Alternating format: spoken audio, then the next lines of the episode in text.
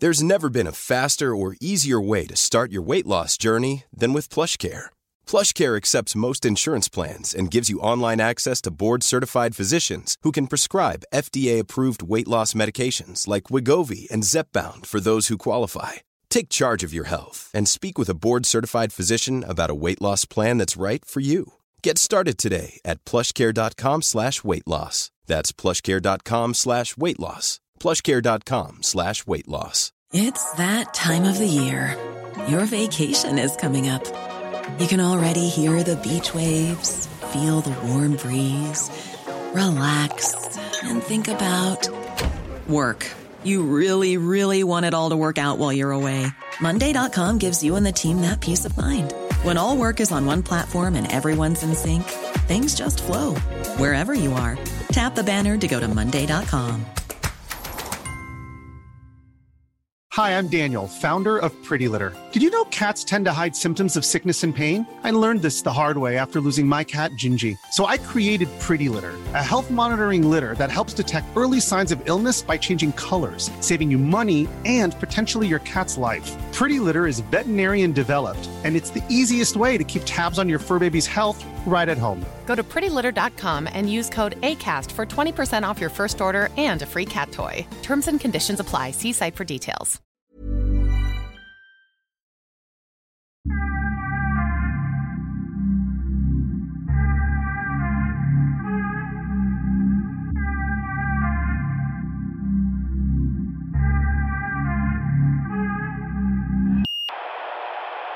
Jag eh, såg din utspel i debatten i, eh, när var det i somras va? Eller början, slutet på våren?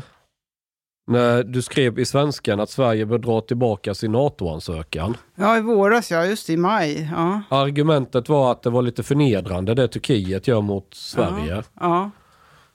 Det kan ju vara så att någon har läst den och blivit lite inspirerad. Att man kanske borde protestera lite mot Turkiet. Jag hade samma linje faktiskt. Det, det... Jag, jag, minns det mycket väl och Ja. jag, jag blev så glad att någon, och det kanske jag ska säga att jag har principiellt inget emot NATO, tvärtom. Nej, jag tror jag att det, det är bra med länder som samarbetar. Men har du någonting emot NATO när Turkiet är med? Eh, Då har jag lite mer problem. Därför att det, det, finns ju, det finns ju olika vågskålar här som jag ser det. Vad är poängen med att vi vill ha ett gemensamt försvar mot elaka ryssen? Jo, därför att det ryska samhället fungerar på ett helt annat sätt än vårt eget. Alltså det handlar om, vi vill stå upp för våra demokratiska fri och rättigheter och, och vårt sätt att leva. Just Och, och, och, men om vi, om vi nu ska tvingas på något sätt tumma eller förhandla med de här grejerna för att gå med i vad, vad är det då vi försvarar egentligen? Alltså Ja. det blir en principiell diskussion, målkonflikt och den debatten har jag knappt sett. Förutom när Lena Andersson tog upp denna i, i, i svenskan och det blev lite och det är lite kul att någon från högerhåll, om jag, om jag får placera dig på höger, svenskan ser jag som höger i alla Ja, fall. stämmer. Eh, Men att det kommer därifrån. Annars har det alltid bara varit ja, de mesta rättrogna kommunisterna på vänsterkanten som, som har eh, liksom påpekar de här sakerna. Men, men när jag sa samma sak, Mustafa anklagade mig för att det är min hederskulturella sida. Nej, men jag tyckte faktiskt att, eh, jag skrev det där i, i maj, det, omgående då när det här hade inträffat, att eh, Turkiet sa, nej, nej, det här är inte självklart. För att jag tyckte det var ganska uppenbart att det här kommer ju inte att få gå. Mm. Eh, därför att eh, de hade, vi har inget att erbjuda dem. Så Men det är ju jättemärkligt. Jag tyckte det var tydligt att det här inte skulle ändra sig av, eh, av att man eh, ja, gick dem till mötes eller talade, talade dem till rätta eller sådär. De, det var uppenbart från början. Mm. Vad fick du för reaktioner när, när den kom ut? För det var rätt tidigt som du sa. Ja, det var, det var ganska direkt efter den här ansökan i maj. Eh, ja, det var väl några läsare då som inte var så pigga på det här. Men eh, inte så mycket. Många var ju tacksamma faktiskt också, eh, som jag mötte på stan och sådär. Uh, för det var noll debatt om NATO kan man säga. Har det blivit den nya invandringsfrågan? Att många kanske tycker att det skaver men man vågar inte säga det högt därför att det blir ett sånt liv. Ja, och kanske, ja för att mm, om man man måste ha ett alternativ och då vet vi inte vad det är ungefär. Men, men jag undrar om svenskarna är lika positiva till, till NATO nu efter det hela med Turkiet. Jag vet inte. Svensk mentalitet är väldigt speciell. Jo, men det, det var en opinionundersökning som visade, eller flera, att bara närmare 70 procent som är positiva, men samtidigt väldigt kritiska till hur vi har hanterat Turkiet, att vi har varit med. Men det är 70 procent, det var innan det hela med Turkiet, innan, eh, inte efter. Ja. Ja, alltså blir det, fortsätter det som någon slags konstig shitshow där Erdogan vill börja in och peta i vår grundlag eller... Alltså, problem, det största problemet som jag ser, det har ingenting med Paludan och koranbränningen att göra. Det är faktiskt de här kraven som var innan. Vi ska lämna ut människor. Det finns en som heter Bülent Kenes, eller man uttalar, en journalist. Och han ska, alltså han ska, Turkiet vill att han ska utlämnas för att han har begått det hemska brottet att vara oppositionell journalist. Just Och jag, jag, jag förstår inte för min vildaste fantasi. Ah, Var är Journalistförbundet, Publicistklubben? Var är alla de här människorna? Och, och på, alltså, vi är i en situation där vi har en regering som på alla sätt försöker vara pragmatisk mot Erdogan. Samtidigt som han ställer sådana här krav. Alltså det är jättekonstigt. Det, det är som att det är någon tyst överenskommelse att nu ska vi lägga grundläggande fri och yttrande, alltså grundläggande fri och rättigheter lite på paus. Vi ska inte prata så mycket om det. Göra vad som helst för, för att komma in i den här militäralliansen. Jag förstår resonemanget men jag är inte helt säker på att det är den bästa vägen att gå. Men invandring är en sak. Är svenskarna redo att tumma på yttrandefriheten bara för att bli av med... Eh, För illusionen av att bli av med rysshotet? E- Enligt eh, en opinionsundersökning, 42 eh, 42 procent var det, som vill förbjuda koranbränning till exempel. Kan man lita på det, Lena? Nej, jag, jag vet inte. Men eh, nej, jag tycker nog att eh, man, känslan är väl snarare att, eh, att det är Turkiet som måste göra någonting annorlunda och att vi inte är beredda att eh, göra vad som helst för den här eh, anslutningen. Dessutom är man ju så, man är ju så svag när man är så villig. När man är så, när man är så angelägen om någonting så blir man ju så oerhört svag och det tror jag folk Det är en känner. väldigt dålig förhandlingsposition. Väldigt. Och det, Och tror det- jag folk känner mer än vad regeringen verkar känna det. Ja, jag hade en lång diskussion med en kille som är väldigt, väldigt så här anti-Ryssland och kastar skit på mig i sociala medier, bla bla bla. Men så pratade vi med varandra i telefon. Och när vi pratar så vi ser på världen väldigt likartat. Det är inte så att vi bråkar om någonting egentligen, men varför hamnar vi så olika? Det visar sig att han, han tänker väldigt mycket historia. Och historiskt så har ryssarna alltid varit den stora fienden. Och jag, jag köper det, man, jag kan också läsa historieböcker, det är inga problem. Men jag resonerar mer som en affärsman. Att du går inte in i en förhandling där du till varje pris måste få dealen igenom för då har du redan förlorat. När du inte kan ha ett alternativ. Och så är det i varje förhandling. Du måste kunna ha ett alternativ, en plan B, en plan C. Ju fler alternativ du har, ju starkare är din position. För då kan du börja liksom, få det bästa budet. Det är som när du ska ta in offerter och bygga ett hus. Har du bara en snickare att vända dig till och han fattar det, att det finns ingen annan att vända sig till, då, då har han sett ju vilket pris han vill. But Chang, I think there's also a personality aspect. When there seems to be a portion of society that is really convinced that Russia is going to attack Sweden. And this is Nej. like a, there are people Ja, who are really det det. convinced. Ja, Yeah, jag- there are people who are convinced like ens, this. jag tror inte att man vill ens tänka tanken på att det ska ske. Inte att det kommer ske, men man måste förbereda sig så att det inte... Vi måste vara förberedda vare sig det är... det No, kommer but, but yeah, but there are people actually who really think that Russia is going to attack Sweden, and, Ja, and det- for them this is like kind of a survival thing. Ja. We need to like save the country as soon as possible. Okay, let's pause. Let's do whatever Erdogan wants to do. Um, let's Ja. pause like free speech and so on, because otherwise Sweden is going to get raped basically. Men man drivs av rädsla. Ja. Ja. Och det är också farligt. Det är att rädsla kan få människor att göra väldigt farliga saker. Men jag tror också att det var... Vi blev väl... i- Många av oss tror jag blev lite överraskade över att NATO... Jag, jag har inte tänkt så mycket på NATO genom åren, så att, att det var... Det finns ingen central instans att vända sig till, utan att det är just vetosystemet som gör att man är helt i händerna på ett land på det här sättet. Att det inte finns någon... Det finns ingen som är NATO, inte ens Stoltenberg. Det tror jag var på något sätt överraskande att, att, det, att, att det, det är en sån... Att det verkligen ser ut så, även om man vet det rent formellt, så att det innebär detta. Att det sista landet kan begära vad som helst.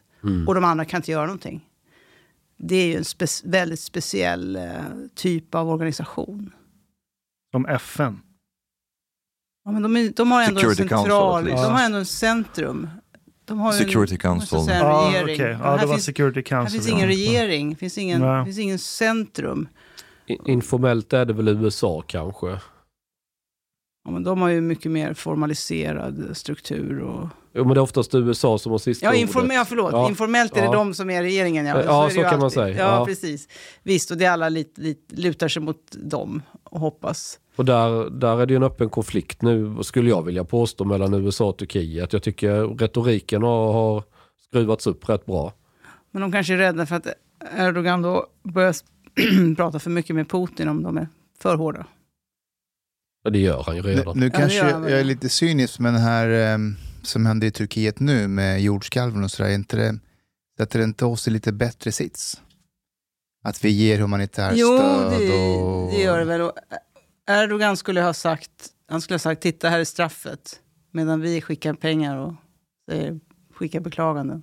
Han skulle om vi hade haft en jordbävning. Ja, just det. Som Ja, ja, Ja, ja. Titta här, det här var vad Gud Ja, gjorde och, nu. Och speciellt om USA kliver in, vilket de kommer göra och hjälpa dem, så det är en bra förhandling. Det låter hemskt att resonera på det sättet, men, eh, men jag tror inte att, jag tror att mm, mm, de i maktposition tänker så nu.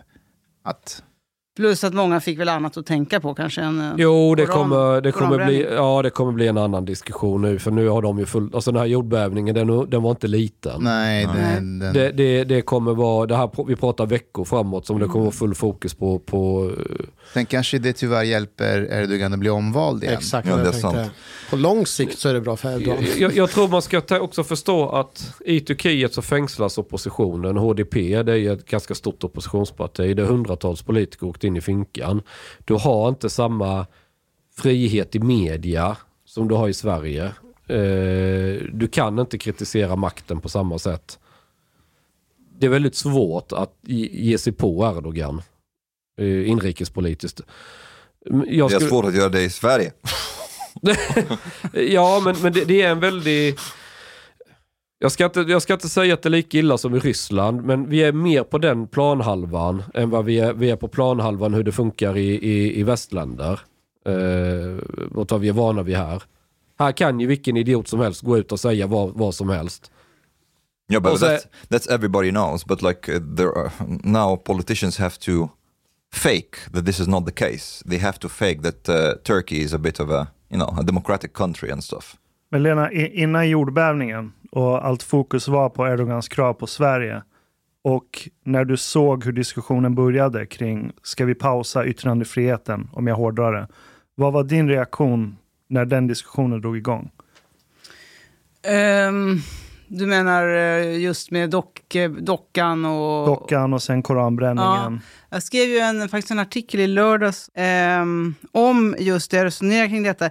Jag tycker kanske att man pratar för mycket om yttrandefrihet eh, när det gäller eh, koranbränning, eh, alltså i efterspelet. För det har ju varit ett massivt stöd för yttrandefriheten i offentligheten, tycker jag.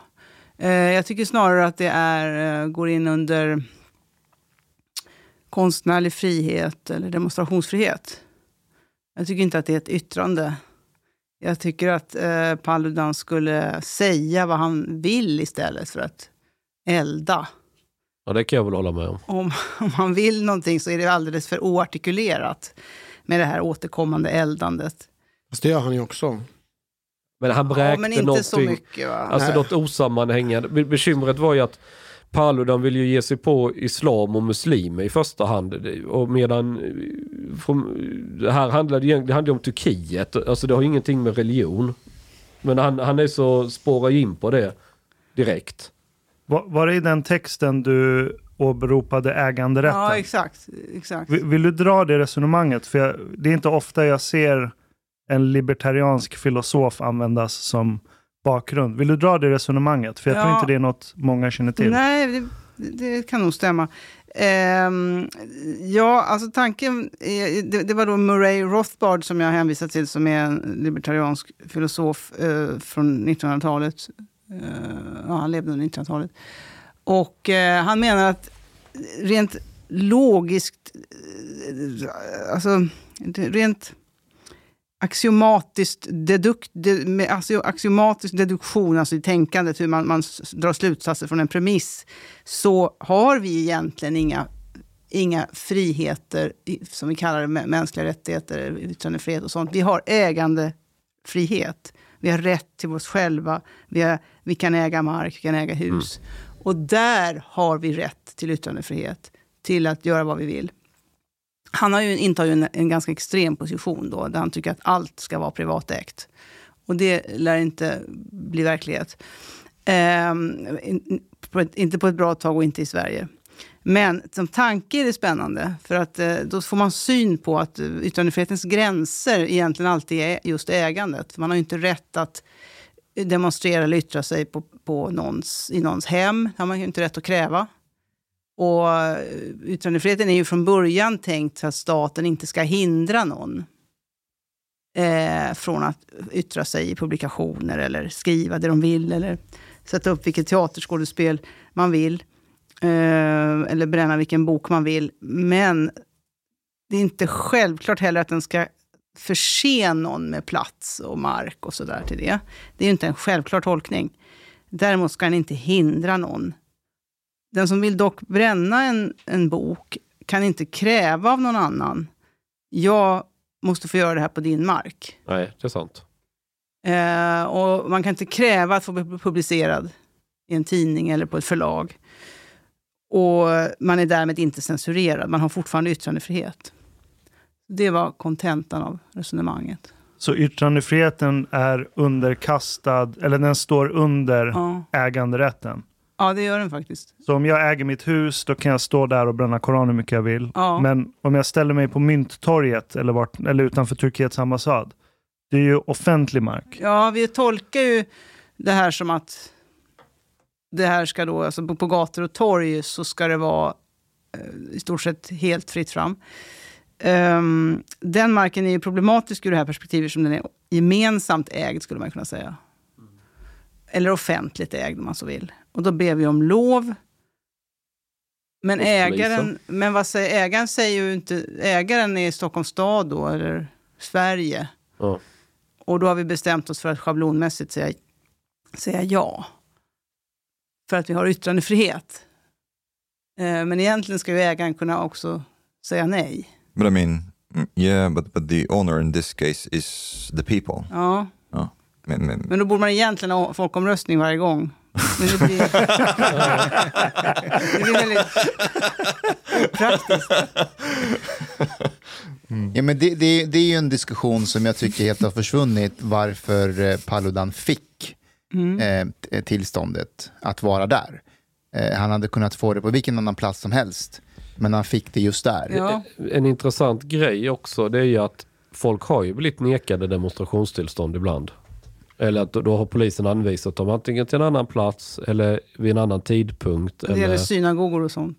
Ja, det har varit, Aron Flam ville ju demonstrera utanför SVT och frågade honom om det och då ville de ha honom på en annan plats. Och, och där, var det, där blev det inte då samma effekt av det eller det blev någonting helt annat av det om man skulle Men det byta. borde till- han väl ha fått göra kan jag tycka. Och då, Eh, då, Jo, ja, då hade han ju skrivit den här boken Ja. som är kritisk. Men fanns min, ju min poäng här är ju att eftersom polisen har gjort det vid andra tillfällen.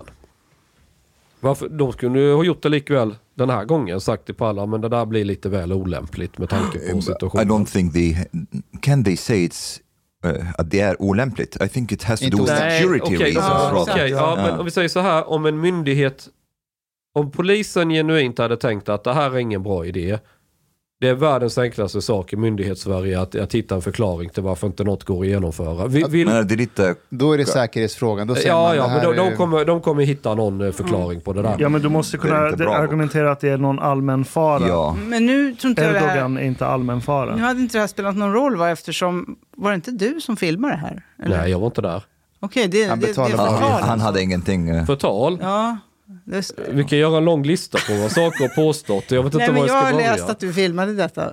Eh, Jag var inte på plats. Nej, okej. Nej, men är det exakt 24 som filmade det? det här? Ingen aning. Alltså, det var en massa journalister som filmade. när Det, det är väldigt intressant att detta inte stämmer. Men till att börja med så filmades ju och så fort det läggs ut för hela världen så är ju saken förstörd i alla fall. Eller, då är ju händelsen nått den räckvidd som den ville ha i alla fall. Så det Mm. spelar egentligen ingen roll om han står utanför.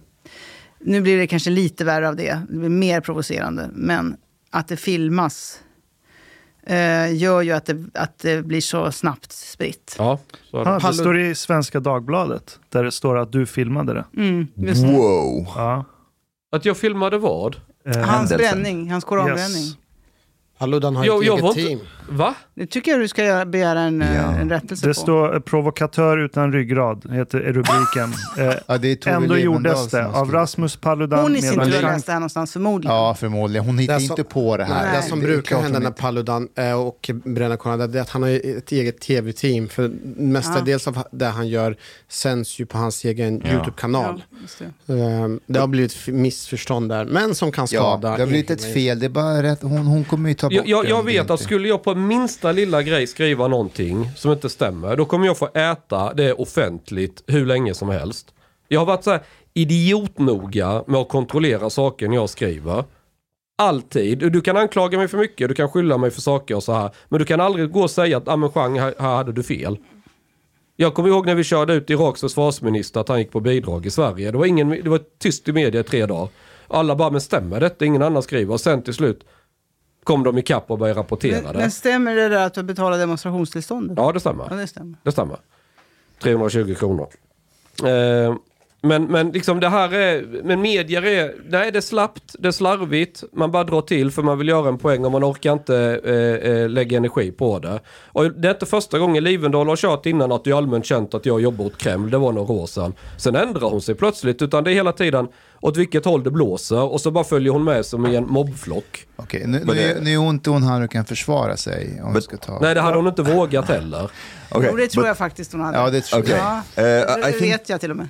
I, I think one of the um, the aspects as well why this is very provocative in, in Turkey and and uh, in other Middle Eastern countries when it comes to Quran burning or or freedom of speech in general, also the view of civil rights, because in the West there is what what could be called like what is called negative rights. That basically you have rights and the the state can take them for you from you. You have the right to free speech, you have the right to demonstration, and so on. In the Middle East, there is positive rights when it comes to, to civil rights. So basically, citizens have no rights. It's the state that can give them the right to express themselves. So when they see that um, Sweden is allowing Paludan to do that, they think that Sweden is like basically giving him the right. They don't understand that it's like just they are not taking him from him the right to do that, and this is why they get so outraged because Alltså they think this. poliser med full Ja. mundering som står och skyddar honom. Och, Yes, och därmed anser man him- också att det är en viljeyttring från vår sida. Att Exakt. Dels att hela Sverige har gett den här rättigheten. Dels att vi också tycker om den. Tycker Ja. Mm. att han gör rätt.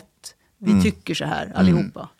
Samma när eh, man skämtade om honom i den svenska nyheter. Den här, eh, de tog in den här kurdiska journalisten som på kurdiska gjorde narr av eh, Right. Erdogan. Det är klart att det uppfattas utomlands som att det är en stats... Liksom, The state is doing ja. Stats-tv som... Det skulle som nog vi också uppfatta faktiskt om det var i stats-tv i ett annat land. Absolut, Det hade vi gjort. Ja, Men det är i sådana här tillfällen man ska gå ut och säga in Sweden we have a system. ja precis. Men du Lena, visst bor du i Tensta? Mm. Hur länge har du bott där? Eh, det blir tio år i augusti. Men varför? ja, varför inte? Eh, när jag flyttade dit då, 2013 så var det för att jag ville ha en större lägenhet. Okej. Och eh, bodde i en etta i stan och en hyresrätt. Och eh, var trött på att göra, liksom, bo och skriva och leva i samma rum. Göra allting i samma rum. Så jag ville ha en större lägenhet. Och eh, då, eh, eftersom jag är frilansare så är jag ju rädd för lån och sådär, ta lån. Så att jag tog bara ett litet lån och eh, hittade en billig lägenhet i Tensta. Okej. Men jag är också uppväxt i Tensta, så jag känner platsen All right. väl. Vi Tri- gick på du i Tensta gymnasium. Eh, Jag gick inte på Tensta gymnasium. Jag hade flyttat, jag gick på skidgymnasium i Värmland. Okej. Jag hade inte flyttat från platsen då, men, men, ehm, men jag gick inte gymnasiet här i Stockholm alls. Eh, Jag gick i Kämpingeskolan och Bussenhus däremot. Mhm. Det, Bussenhus finns ju inte längre. Finns inte längre. Nej, den är helt nerrivet. jämnad med marken. Ja. Eh, du frågar om jag trivs. Mm. Ja, jag trivs i min lägenhet. Det var också ett svar. Men den, är, nej, men den är väldigt bra. Jag, jag, jag tycker Tensta är tyvärr väldigt, väldigt fult. Eh, Alltså arkitektoniskt. Mm. Jag tycker verkligen att det är ett jättemisslyckande, det här miljonprogrammet, rent utseendemässigt.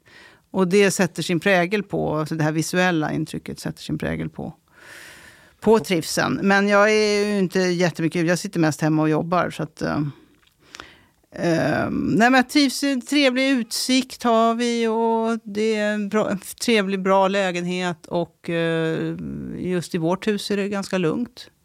Får jag vara fräck och fråga vilken adress, alltså utsikt, var- vart har du utsikten mot? Eh, den här Eningsborgsskolan Ah, okay. och eh, en lekpark. Mm.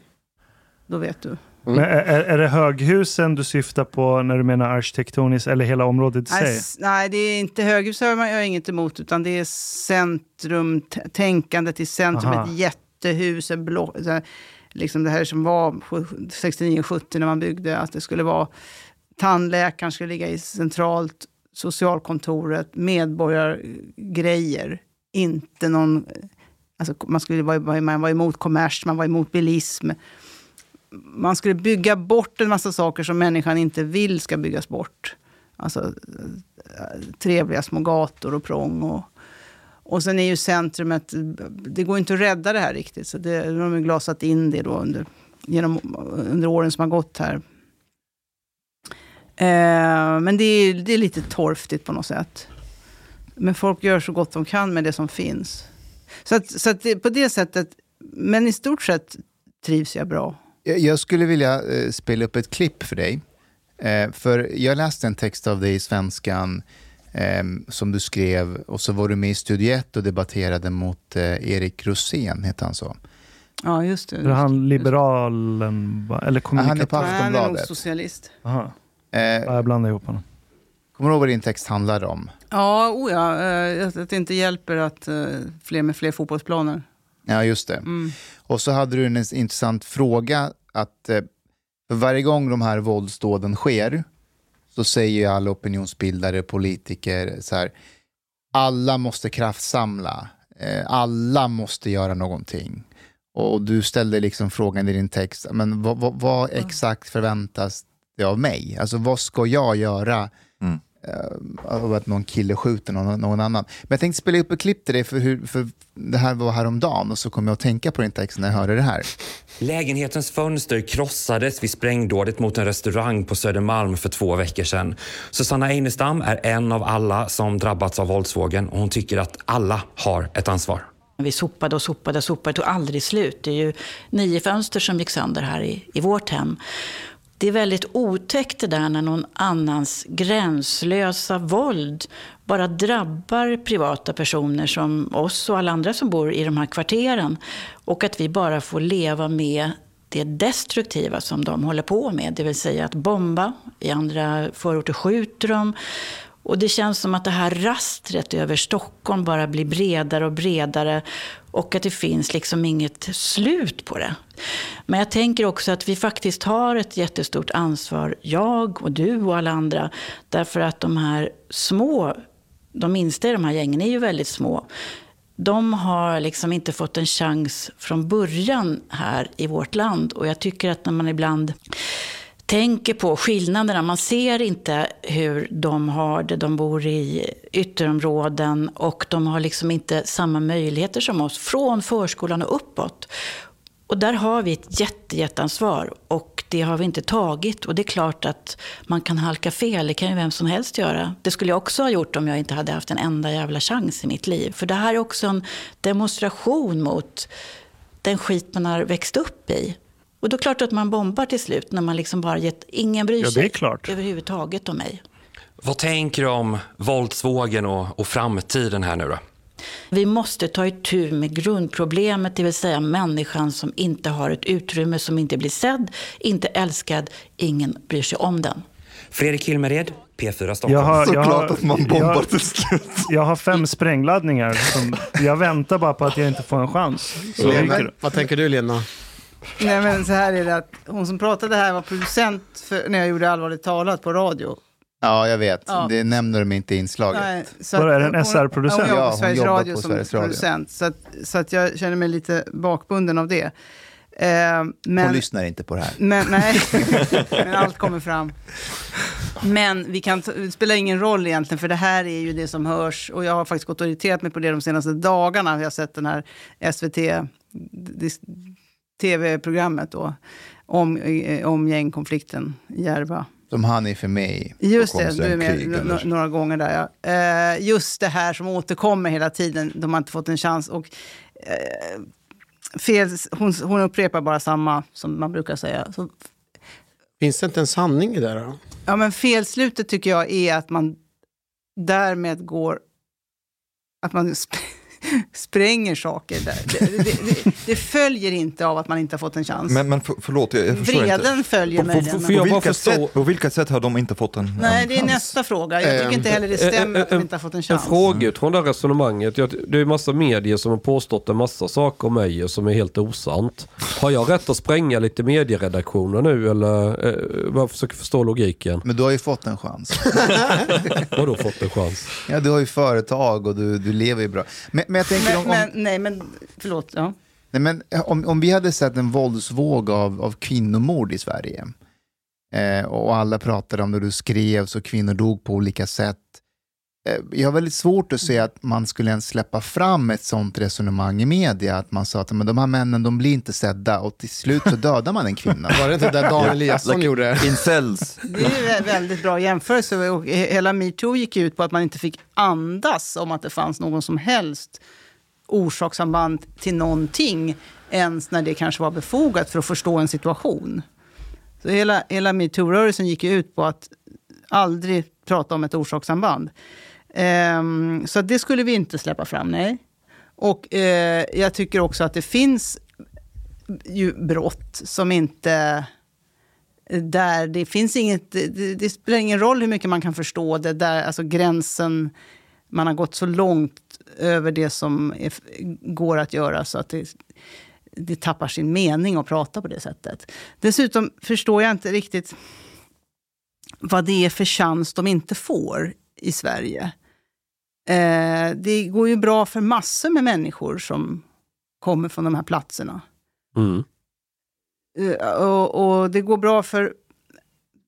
Ja, det går bra för dig Mustafa, som kom till Sverige när du var 11. Ja. Det går bra för alla här. Så att det, det är det intressanta. Vad, vad skiljer de som det inte fungerar för och de som, de som det fungerar för?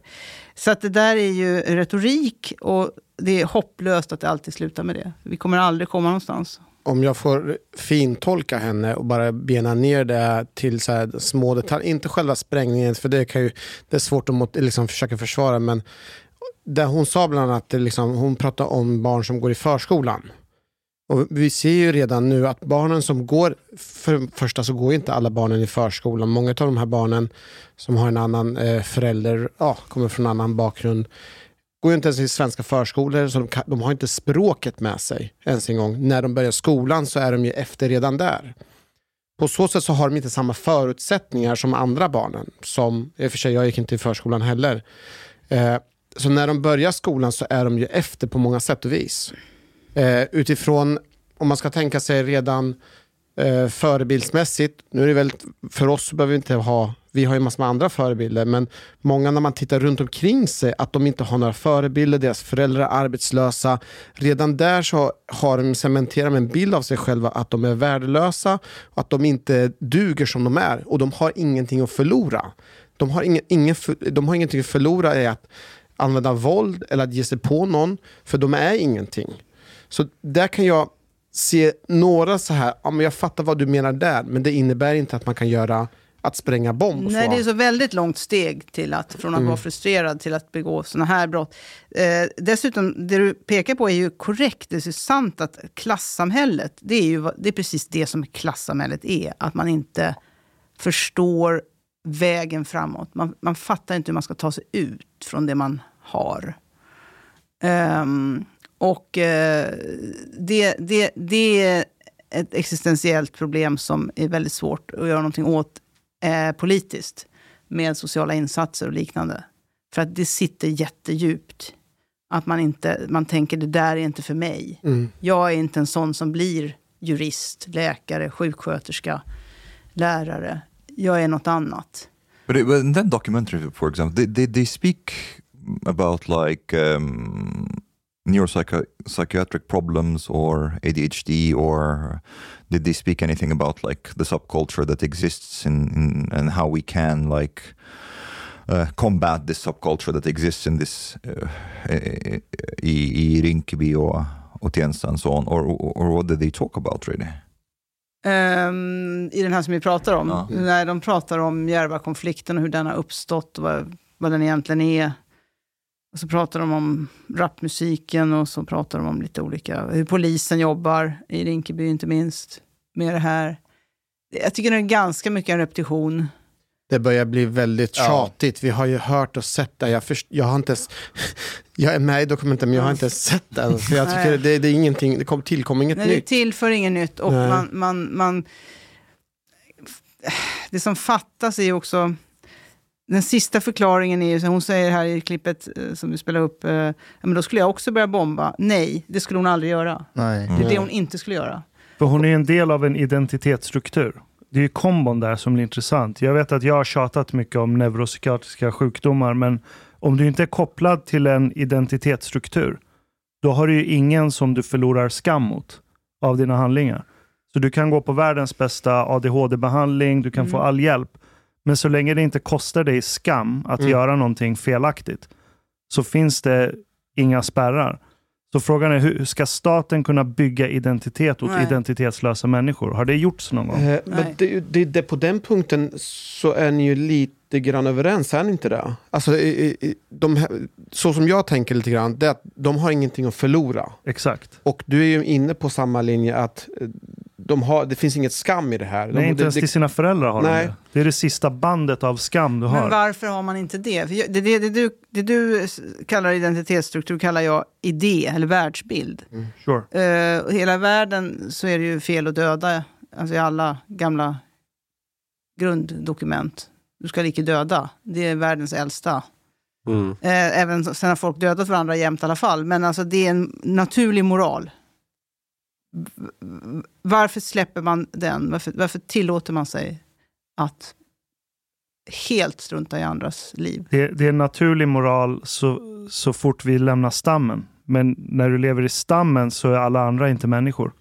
Vi har ju Men för det inboende... kräver att man inte är människa. Precis. Exakt, så du avhumaniserar de andra. But, but but do they really not have an identity? Because to me, actually, it's the opposite. They are they find themselves in a in an environment and in a subculture where this is the identity. Like Yeah, uh, yeah, yes. like even like um, uh, what's his name? Karin uh, Mm-hmm. the the police woman. She said that there are kids, 13 and 14 year old, who basically offer to kill people for no money just to prove themselves as part of the group. So this is the identity like uh, that they are seeking. There is this subculture that they are in. Och, Eh. det, det är den identiteten som är helt frikopplad från alla andra identitetsöverlapp som finns i samhället. Säg, Ja. att, du, säg att du kommer från Indien, så här, ingenjör, och så kommer du dit med din familj och ska jobba. Dag ett, det är såklart du inte överlappar med den svenska identiteten. Men du överlappar med idén om att du vill ha ett jobb med en fast inkomst. Då behöver du överlappa med idén om att du ska jobba och vara en del av en ekonomi. Redan där så börjar du få överlapp med Mhm. så kallade liksom, vanliga svenskar som bor här. But they belong to another tribe. Ja, fast de är ändå lite med i den globala triben som heter kapitalism och pengar och vara en del av en ekonomi och ha en pension och allt det där. Mm. Medan de här kidsen, de bildar en identitet som är helt frikopplad. Jag tror inte någon ADHD-behandling eller ta vad som helst, funkar så länge identiteten är som den är för dem.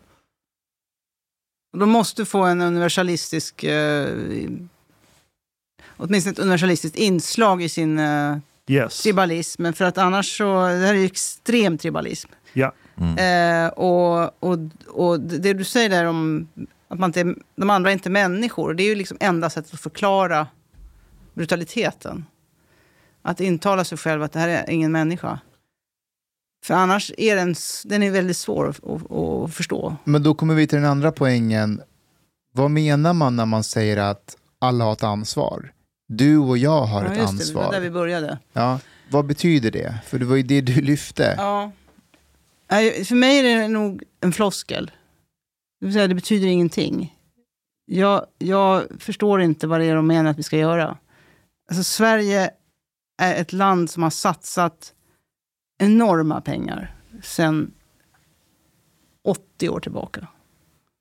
På fritidsaktiviteter, på att hjälpa alla som har det svårt. Socialtjänst, Eh, vi har en mentalitet, en, en påbjuden offentlighet som säger att det, att det alltid är samhällets fel att det går dåligt för en. Det finns i Tensta, där, där jag befinner mig då, eh, finns det konstgräsplaner, det finns parkour, det finns ett stort, i Spånga finns det ett stort, ehm, eller mellan Spånga och Tensta, en jätteidrottshall. Alltså man satsar på idrotten, man satsar på allt möjligt. Det, Klotterplank har ni också i Tensta. det har vi också. Mm. Precis. Som kostade en halv miljon. Alldeles där jag bor faktiskt, är Mm. det flanket. Ehm, det, det satsas mycket pengar. Mm. Man försöker verkligen. Alla vill att det ska lyckas. Men om man ska vara lite djävulens advokat, om man, om man säger det du säger nu, men vi har ju satsat, Mm. om man tittar på skolpengen, så eh, en skola i Tensta, Rinkeby, Rosengård får betydligt mer per elev än vad en skola på Söder får. Om man, om man kommer med de här argumenten, vad blir då reaktionen från den andra sidan? Alltså för att man hör ju alltid att men det satsas ingenting i vårt område. Får man mer, vad sa du, man får mer någonstans för skolpeng? Alltså du får mer skolpeng per elev i utsatta områden, betydligt Ja. mer än vad du får i en skola på Södermalm till exempel. Ja, just det. Eh, Så, så de får ju resurser. Mm. Socialtjänsten i de utsatta områdena, de, de har så mycket att göra där så de hinner inte vara i, nu gör jag citationstecken, normala områden, Mm, mm. alltså där, där det finns vanliga problem bland, bland familjer, för all resurser går där. Mm. Så vad menar man när man säger att det satsas ingenting här hos oss? Ja, eh, man menar väl att eh, alla inte har exakt samma antal pengar i plånboken. Att resultatet inte blir eh, detsamma. Ja, att, att folk har olika gott ställt. Men det var för människor som växer upp med lite fattigare förhållanden brukar det oftast gå bättre för. Och du växt upp och fått saker gratis, då värderar du inte pengar, då värderar du inte arbete på samma sätt. Det är den som vill någonstans som också kommer någonstans. Ja, och det går ju jättebra för alltså klassresorna fungerar ju i Sverige. Det går ju jättebra för väldigt många som kommer från ingenstans. Eh, Ja, så är det. Kan man inte göra en skillnad mellan vad samhället satsar och framförallt man satsar väldigt mycket i utsatta områden. Men kanske vad jag försöker tolka in, vad hon försöker säga eller andra säger, det är att det här engagemanget från svenska folket där det finns en önskan och idé från en vissa grupper att alla ska engagera sig personligt. Inte bara i ekonomiskt, att vara personligt engagerad i olika individers uppväxt. Eh, som ett konkret exempel, eh, jag är uppväxt i en, eh, i en fosterfamilj.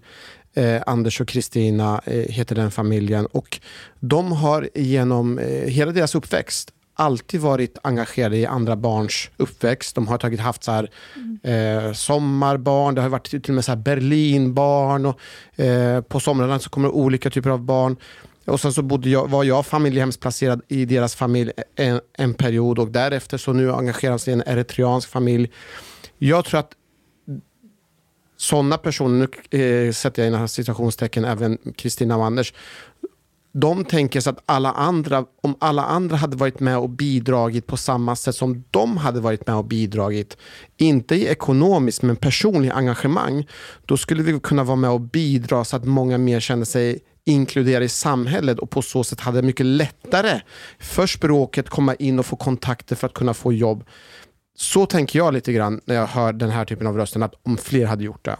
Jo, men det, det är naturligtvis bra med allt sånt här engagemang. Och jag, många skulle nog gärna göra mer, eh, de vet bara inte hur de ska göra det.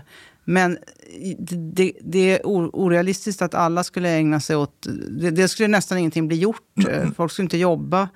Det skulle ta för mycket tid. Ehm, passar alla passar absolut inte för detta. En del kanske skulle göra skada till och med. Så det är inte, men de som kan och passar för det här och vill ska naturligtvis försöka, men jag vet inte riktigt hur man gör det. Lena, jag skulle säga att du har tagit ansvar. Genom att? Att bo i Tensta. I think this is one, one of the things, like, let's say, let's say if everybody who like lives in Södermalm would have moved to Rinkeby and Tensta, this subculture would have it's less likely that this subculture would have arisen if mm. there if there wasn't this kind of et ethnic and cultural segregation in these Nej, areas. Nej, för då skulle alla de flytta till söder. skulle bara switcha varandra. Men det skulle bli blandat överallt. Men är det inte... Sverige är ju socialt väldigt kallt land. Så här. Om du kommer till ett land eh, lite söderut eller i övriga Europa. Eller det räcker att åka till Skåne så märker man en skillnad skulle jag säga. Är det därför det går så bra för Rosengård? Nej men Rosengård är ett... Eh, Eller menar du när man kommer alltså, till majoritetssamhället? Du måste tänka på att Skåne är lika mycket människor som Stockholmsområdet. Mer eller mindre. Du har Malmö, Lund, Helsingborg som ett stråk. Du har Kristianstad i nordöstra. Du har ju sen lite utspritt. Men du har ju gott och väl en miljon människor. Gott och väl. Men har, vi har mycket mindre utanförskap i Skåne skulle jag säga. Alltså på, på det sättet som vi ser i St Stockholm har gått om nu. Ganska rejält. Vi har mycket mer våldsbrott i Stockholm än vad vi ser i Skåne. Även om det såklart inträffar där. Och en, en kulturell skillnad som jag slagit mig, det var ju, jag tror jag sagt innan med att när jag bodde i Skåne och man sitter på bussen och så ska man åka någonstans en halvtimme.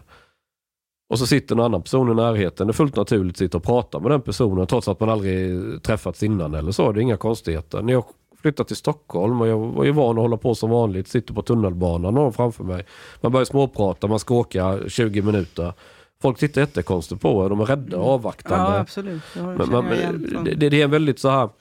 Och det var någon som sa till mig precis i början att vill man hamna på hemmafest hos någon i Stockholm då måste du känna de personerna. Ja. Du, måste, ja. du vet, det måste vara genom några cirklar som du redan känner. Så var det inte när jag hamnade i Kristianstad. Jag kände inte en käft. Jag var, det, var, det var bara att åka och hälsa på folk. Och man var det bara det eller var det, är det så att du våldgästar folk? Nej, alltså folk bjöd in en. Det var ja. inga konstigheter. Åh, någon ny person här. Det var... Men landsbygden är väldigt skillnad från Stockholm. Ja. Jag är uppväxt i Stockholm så jag är, väldigt, jag är själv del av det här som du beskriver. Mm. Eh, att man tittar konstigt på någon som börjar prata med en. Mm. Eh, medan folk, folk som är uppväxta på landsbygden har en helt annan social talang. Ja, jo. men, men, det är väl komma till det. Om du, om, du, om du då kommer till Sverige och du är invandrarbakgrund, problem med språket, allting är nytt. Vi vet mm. ju själva det om jag åker till något land där jag aldrig varit. Och, och du, du möts av den här kylan, liksom mellanmänskliga kylan. Mm. Det blir jättesvårt att, mm. att komma in i samhället liksom den sociala vägen. Däremot så är vi fantastiska på massa system, mm. blanketter, du har Arbetsförmedlingen, du har socialkontor, medborgarkontor. Och, och, och du ska liksom, det är over-engineered yes. på något sätt.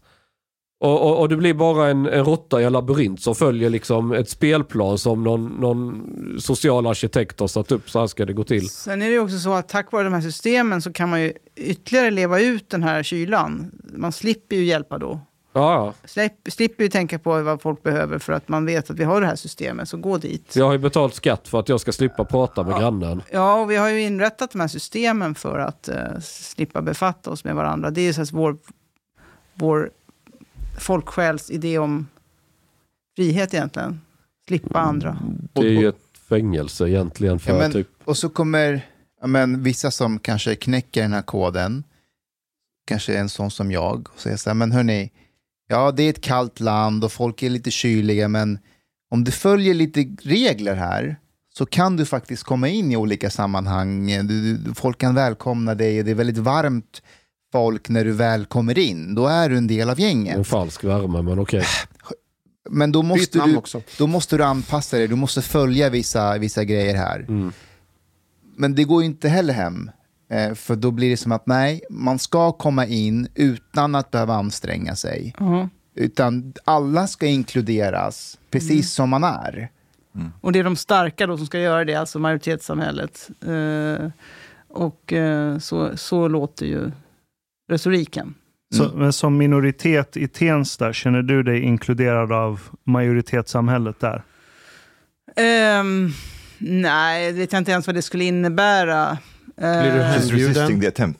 Lena, Alltså- blir du hembjuden till andra personer på middag? nej, men de känner nog inte till att de skulle göra det. Eller borde. Bjuder du hem Men dem? Nej, inte- inte det. Jag måste känna folk om jag ska bjuda dem på middag. Jag är väldigt typisk majoritetsbefolkning på det sättet Mm. i Sverige. Nej, men och, där, och, och jag tror att de, de tycker vi, att jag ser lite konstig ut kanske en del. eh, Mina kläder och sådär passar inte riktigt in. Men det, bara de låter mig vara i fred så gör ingenting. Men jag måste ändå bara säga, en, en, en, en, mått på en sorts integration ändå. Hur många av dina grannar vet att de i ditt hus, att, att det bor en av Sveriges främsta författare bor där, som skriver i, i Svenska Dagbladet och skrivit för Alltså hur många... I huset, att jag skriver vet eh, kanske två familjer i det huset. Eh, just i trappuppgången. Eh, hur fick de reda på det? nej, därför att de är läsande personer. Eh, för det, det är lite blandat i vårt hus. Ehm, men i, i princip nej. Det, det, är inte, det är ingen som vet vem jag är där egentligen, tror jag. Får jag komma med en parentes? För det här är viktigt. Jag tror vi glömmer bort det när vi diskuterar just om förorten. Att det skiljer sig väldigt mycket från eh, liksom, trappuppgång och till och med gata från gata. Beroende på, det är jättestora skillnader beroende på vilken fastighetsbolag som äger stället. Eh, en del fast privata aktörer väljer att eh, ha typ eh, etablerade personer i sitt område medan andra eh, fastighetsbolag är lite mer allmännyttiga som släpper in vem som helst. Och det ser, ser vi ju även också på våra, när vi är och jobbar. Vissa kvarter besöker vi aldrig, andra kvarter är vi där hela tiden. Så det blir en väldigt generalisering när vi pratar om Tensta i Ja, sig eller absolut. Rinkeby. För att det är, vi, vi har speciella hotspot där vi jobbar där det är betydligt mer problem. Det där ser man väldigt visuellt i Rinkeby. Alltså du ser att det här är ett underklassområde i Rinkeby, det här är ett medelklassområde. Det ser du direkt. Du behöver inte ha bott där. Och det kan du också sen se på upptagningsområdet till de här skolorna. Eh, I Rinkeby till exempel, vi hade förut fyra skolor som hade olika upptagningsområde. Och där man ser att de här som är som gängkriminella som tillhör dödspatrullen och Shottaz, eller i varje fall dödspatrullen. De här ungdomarna kom alla från, eh, jag ber om ursäkt Ashkan, men det var från din pappas skola på Knutbyskolan. Eh, Och det visar det är min pappas fel. Är han rektor eller? Nej, han är idrottslärare. Ja. Ah. Men eh, det är så att det är ett fattigare område ju- just där och de, där har de upptagningsområdet runt Knutbyskolan och där börjar de sin, eh, ja, det är där de går i skolan och så går de vidare. Så det är jättestor skillnad mellan område och område i mm, förorten. Jag tänkte på sak, man säger fattigare område som att det finns en kausalitet mellan man är fattig och blir kriminell eller stökig.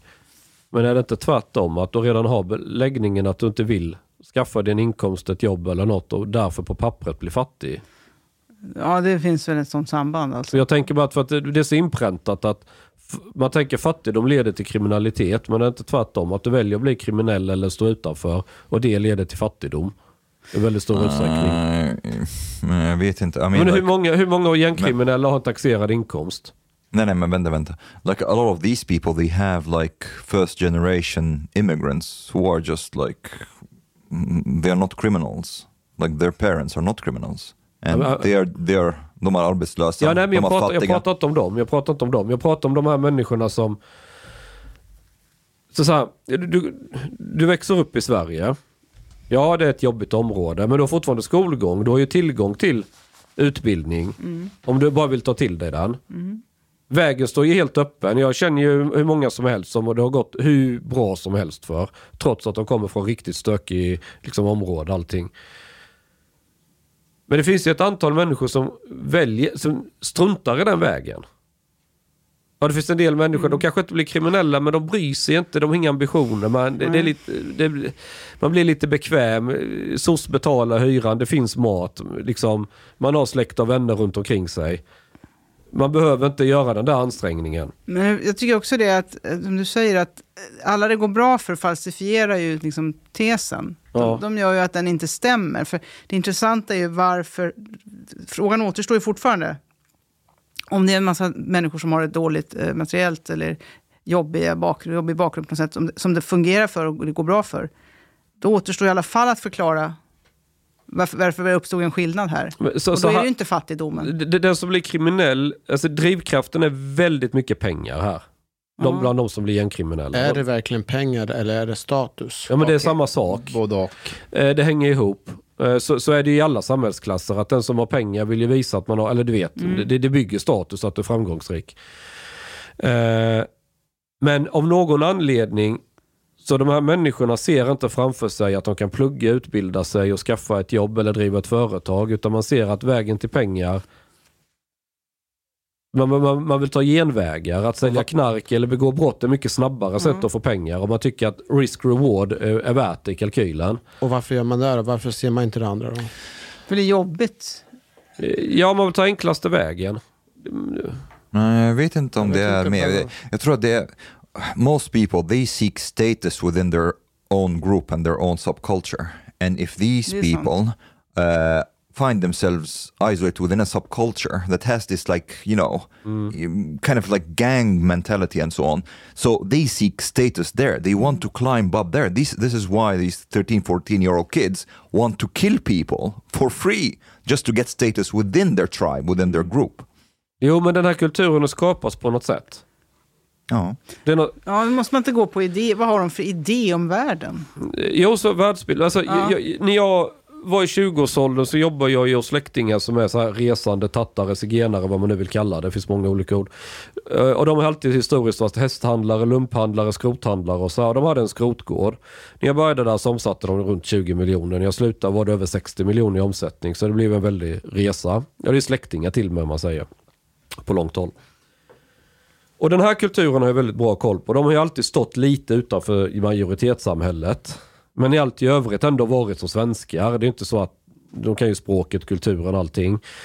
Men man har, och det har jag skrivit någon gång innan, det finns en väldigt stark libertariansk ådra för att man har väldigt stark misstro mot staten. Det. Och det går ju tillbaka till de här tvångssteriliseringarna, Myrdal, uh, uh, barnen blev tvångsplacerade på hem och sådana här saker. För att de här människorna levde ju inte som Svensson, de flyttade runt mycket och, och man, man var, går vi tillbaka i tiden så var de bara lackare, att, att man, man skulle kastrera hästar. Och det var ett väldigt fult jobb, det var ingen som ville, då gjorde de det istället. Och såna, här- de fyllde en funktion i samhället men var lite illa sedda av, av en del. Men där, bland de här människorna, så har jag sett en extrem entreprenörskap. Extrem förmåga att bygga företag, att jobba, liksom ta i, ja man kan, skattemoralen har väl kanske inte varit den högsta. Men, men är du libertarian så har du ingen skattemoral egentligen å andra sidan.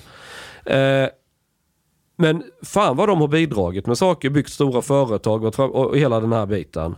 Det har ändå funnits liksom. Så, och, och, och, och när jag tittar på det som du har, du har, omvärldsfaktorerna där är inte helt radikalt olika de här gängen i förorterna. Att man är inte en del av samhället, man känner sig inte, vi är vår eget. Men du har ju ändå någonstans ett val, hur vill du hantera det här, jag vet inte, utanförskapet? Om du förstår vad jag Ja, menar. Man kan, man kan ju mm, ändå ja, gå olika, du behöver inte gå och bli fullkriminell och skjuta ihjäl folk. Du kan Fast- fortfarande, Fast du säger ju en sak Chang nu, att när du växte upp så hade du släktingar eller någon som hade de här företagen som omsatte. ja. Det jag uppfattar med många av de här eh, unga personerna, det är att deras föräldrar har inte den, haft den. De, de har inte ett företag eller, ett, eller liksom ett jobb på samma sätt. Och då har de inte kunnat se sig själva i det. I Fast den... det stämmer inte. Det stämmer inte. Du har eh, Deras bästa- jättemycket affärer, butiker, sådana Får jag grejer. bara säga en sak? Det finns en kille i vårt område, han, han heter Abdi, eh, Abdi, vad var det han sa? Du kanske inte behöver säga hans namn. Nej men vänta, han kallades för, eh, vad var det? Eh, Abdi Svenne kallades han. Vet du varför han kallades för Abdi Svenne? För hans mamma var den enda somaliska mamman i det området som hade ett jobb. Och han blev retad för att han, han var den som var mest svensk. För deras, de andra föräldrarna var arbetslösa. Så det, eh, det kanske inte stämmer på alla, men på en stor del stämmer det. Vi ser att de jobbar på SL, de kanske sitter liksom, luckan och något liknande. Men kom igen, hur stora företag har den somaliska bakgrunden om man säger? Alltså att man, man ser ner på det, på det skötsamma. Ja, Om det du- känner jag ju igen från min egen skoltid i Tensta. Mhm. Jo, men att vara svenne var ju inte högt i kurs alltså. Och du var väl Det ganska ju mycket svenne där gissar jag. Ja, väldigt mycket. Det var ju jättetöntigt. Men det, Eh, ja. Ja, nej men... eh, Jag, jag har några, några olika scener om det i min första bok som heter Var det bra så? som kom 1999. Eh, där, där det är just eh, äcklig mat och det är liksom ingen kultur. och... Eh, Fast det är ju korrekt ju. Äcklig mat i alla fall. Vadå? Svensk, eller, om, om, vi, om vi backar bandet så är maten bra. ja. Men inte det som kom från 70-talet och där, det var det värsta någonsin. Den, den bruna maten. Vi- Vilken skola i Tensta gick du i? Bussenhus Bu- ah, och okej. Kämpinge. Det låter kämpigt. Var inte Tensta känt för bra skolmat? Jag har för mig det. När jag gick, jag gick skolan i Kista, då pratade man om att de hade asbra skolmat i Tensta. Ja, jag tyckte om den. Eh, men det var nog mer generellt att vi inte hade någon matkultur i Sverige. Eh, men i alla fall, det var löjligt att vara svensk. Eh, och det var just det här tråkiga, kalla. Eh, så att det, det, det, ser man ner på, eh, tror jag fortfarande. Ja. Men samtidigt förstår ju alla att det är ju inget att se ner på att någon har jobb. Så någonstans blir det ju en inverterad grej i alla fall. Att det är ju inte... Eh, det är väl mer som att re- reta någon från överklassen ungefär. För att egentligen vill man vara en del av det. För att om, om någon har ett jobb och sköter sig så har de ju en fot i en Mm. värld som Mm. de inte har. Och ehm, ja, man vill ju vara där men man, man blir lite... Men då arg. blir man retad för att det är också lite inställsamt kanske man tycker att det är Mm. någonting. Men jag måste ändå fråga er, är det här eh, resonemanget då, ehm, att alla måste ta sitt ansvar, alla måste hjälpa till, du och jag måste... eh, Menar man det här på riktigt? Tror man på det, tror du? Eller är det bara någon hopplöshet och så Nej, säger man det? Okej. Du har lyssnat så här långt. På sista måltid. En mycket fin radioprogram i Sverige. Du tycker det är mycket trevligt. Men, min vän, lyssna på mig nu. Du har inte betalat biljett på klubb moltit. måltid. De har dom grabbarna de behöver pengar. Flis. Lax. Stolar. Dirabilar. Lyxhotel. Du vet. Då måste du betala om du ska lyssna mer. Du får många fler avsnitt också. Paket erbjudande, helt enkelt. Läs i beskrivning för avsnitt, där det finns information för att bli medlem på klubb Sista måltid. Det kostar som en mycket liten kaffe latte ute på torget. Per månad. Lätt som en plätt. Tack,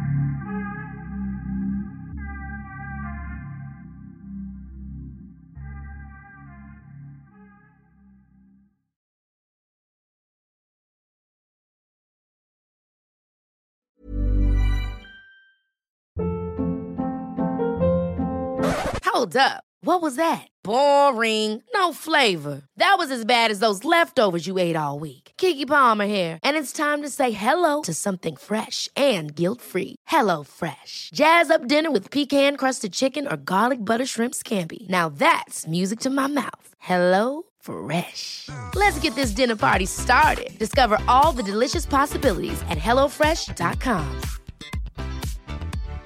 Hi, I'm Daniel, founder of Pretty Litter. Cats and cat owners deserve better than any old fashioned litter. That's why I teamed up with scientists and veterinarians to create Pretty Litter. Its innovative crystal formula has superior odor control and weighs up to 80% less than clay litter. Pretty Litter even monitors health by changing colors to help detect early signs of potential illness. It's the world's smartest kitty litter. Go to prettylitter.com and use code ACAST for 20% off your first order and a free cat toy. Terms and conditions apply. See site for details. Imagine the softest sheets you've ever felt. Now imagine them getting even softer over time. That's what you'll feel with Bowl and Branch's organic cotton sheets. In a recent customer survey, 96% replied that Bowl and Branch sheets get softer with every wash. Start getting your best night's sleep in these sheets that get softer and softer for years to come. Try their sheets with a 30-night guarantee. Plus, get 15% off your first order at bowlandbranch.com. Code BUTTERY. Exclusions apply. See site for details.